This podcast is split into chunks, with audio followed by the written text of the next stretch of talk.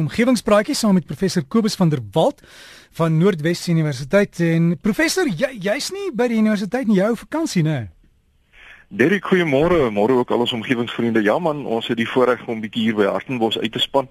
En uh, wat 'n wonderlike deel van die land. Jy weet dit is groot voorreg dat as mense hier kom bietjie kan kom rus. Ja en Kobus net vinnig 'n vraag nou nog. Gekom iemand het sê dat die gemeentehuistuin sal een van daai wateropgaartings werk. Gaan dit die geld kan hoe sê hulle Uh, wat wat sê Engelse woorde? Ek kan nie meer sê nie. Is dit die geld werd? Ja, ja, Derek.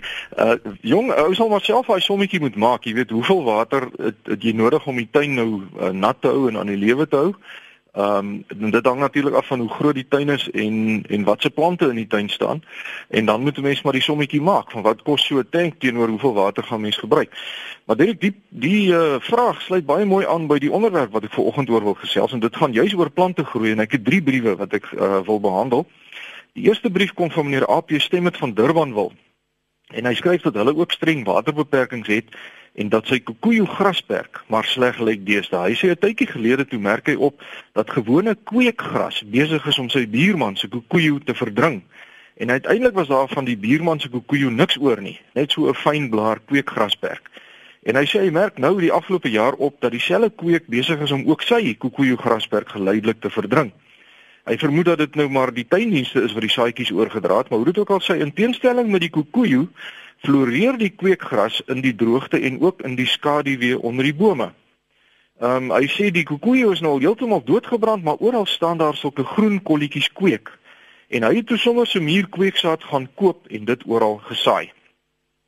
Hy sê sy buurman het die afgelope 3 jaar nog nooit sy kweekgrasperk nat gespuit nie, terwyl meneer Stem met sy kokoejo grasperk ten duurste gereeld nat gespuit het om die ding aan die lewe te hou. En nou is daar buiten die bietjie kweek uh in alle geval niks van die koekoeë oor nie want dit het alles gevrek in die droogte.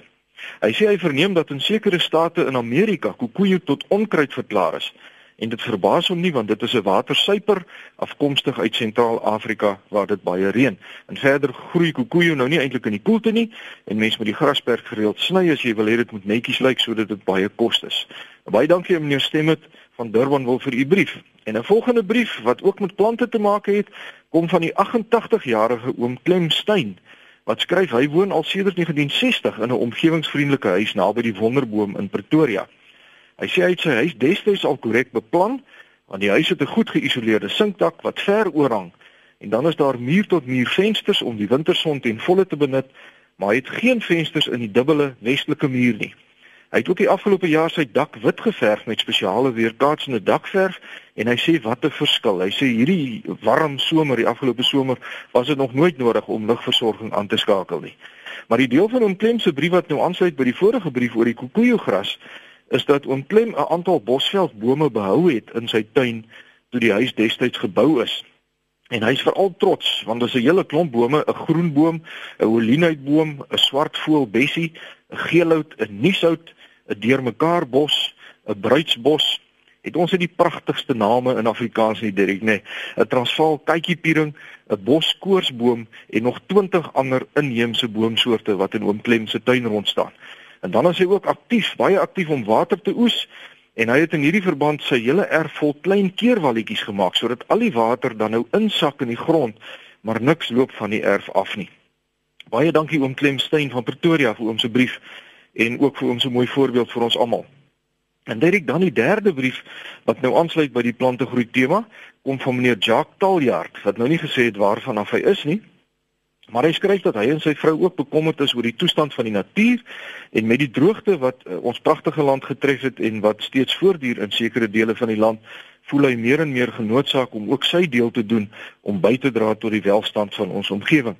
En hy sê die laaste paar jaar het die tel, het die term veldkuns of bushcraft uh, in Engels dan nou baie belangstelling ontlok weens bekendes soos hierdie Bear Grylls en Ray Mears wat televisiereekse aanbied soos die Survivor en daai mense daai dele daai tipe programme waar die mense nou vir 'n tyd sonder enige iets moet klaarkom hulle moet van die veld af leef. En hy hy sê nou die term veldkuns omskryf verskeie vaardighede soos vuurmaak, houtwerk, jag, vleisverwerking, persoonlike eerste hulp in noodsituasies watersuiweringsmetodes ensovoorts. Maar hy sê hy het nou onlangs afgekom op 'n artikel wat geskryf is deur 'n man in die Verenigde Koninkryk oor eetbare plante in sy agterplaas.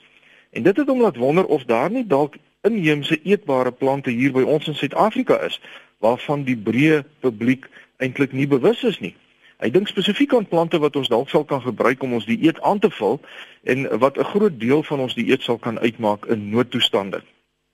Hy sê hy het bietjie rondgesoek, maar die beskikbare bronne fokus meer op verskillende soorte kruie en tee en hy wonder hy of daar dalk iemand is wat weet van 'n omvattende bron oor eetbare plante in Suid-Afrika. Nou baie dankie meneer Taljaard vir u brief. En ek wil na aanleiding van die drie briewe 'n paar goed sê oor inheemse plante. En eerstens is dit 'n feit dat ons eenvoudig te min water in Suid-Afrika het om uitheemse watersuipers soos kokoejogras aan te plant in ons tuine. Ekskuus tog, ek het net 'n hoes hier in my keel. Ek net 'n slukkie water, van dankie. Sterkte Kobus. Baie dankie man. Nou, soos wat meneer Stem het agtergekom het in Durban wil kokoejo groei nie lekker hier by ons as jy hom nie gereeld nat spuit nie en dit is presies wat die Working for Water program van die regering probeer bestry want uitheemse plante en bome gebruik baie meer water as inheemse ekwivalente. As mens 'n tuin wil sien wat in perfekte balans met die omgewingstoestande naby jou huis is, ry net uit die dorp uit en kyk na die veld. Dit is na regte soos al ons tuine behoort te lyk, want die veldplante het oor millennia 'n perfekte balans bereik met die omgewingstoestande en watse pragtige veldblomme kry ons nie. Die tweede punt is dat ons kyk na die klomp inheemse bome op Oom Klemstein se erf. Dan is ek oortuig daarvan dat daardie tuin 'n lushof is vir allerlei voëls. Want sekere goggatjies bly nou in sekere bome en sekere spesies maak in sekere bome nes en sekere bome en struike dien as voedsel vir die inheemse voëls. En hulle sal nie naby sommige van die uitheemse bome of struike kom nie, want die natuur is in 'n fyn balans. En die derde ding wat ek wil sê is dat inheemse plante baie waarde kan hê veral as medisinale middels. Maar ek is egter nou nie bewus van inheemse plante wat op groot skaal as as voedsel aangewend sal kan word waarvan die breë bevolking nou nie bewus is soos wat meneer Taljaard na soek nie. Maar kort soek tog op die internet Dirk met die trefwoorde indigenous edible plants in South Africa het 'n hele paar goeie bronne opgelewer wat wys dat plante soos die wilde malva, die wilde knoffel die konfettibos of dan ook die valsboegoe, die Afrika wurmhout, die noemnoem, die suurvy en nog baie ander plante baie effektief gebruik kan word as medisyne of dan in kossoorte as geurmiddels of as garnering in slaaie en in skemerdrankies en dan selfs ook in roomys Derek dit was nog op vir hmm. my nuus dat mense van ons veldplante in roomys kan gebruik om geur te gee daaraan. Iemand wat daaraan belangstel, kyk gerus na die Botaniese Vereniging van Suid-Afrika se webwerf in hierdie verband. So om op te som, ek is net so lief vir 'n mooi tuin met 'n mooi grasperk as enige ander mens. Maar as ons na Suid-Afrika se omgewing kyk en spesifiek na ons water, dan behoort daar na regte slegs inheemse plante in ons tuine te wees. En die voordele daarvan is nie slegs dat hulle minder water gebruik en beter in droogte kan oorleef nie, maar daar is ook baie pragtige blomme, so ons kan nog steeds mooi tuine hê. En dis waarvoor daar vanoggend tyd is, Derik. My e-posadres kobus.vanderwalt@nwu.ac.za of omgewingspraatjies se Facebook bladsy.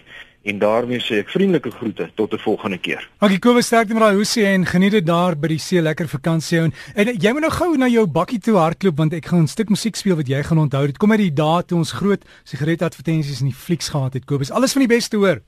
Dankie Dirk, lekker dag vir jou en ons omgewingsvriende.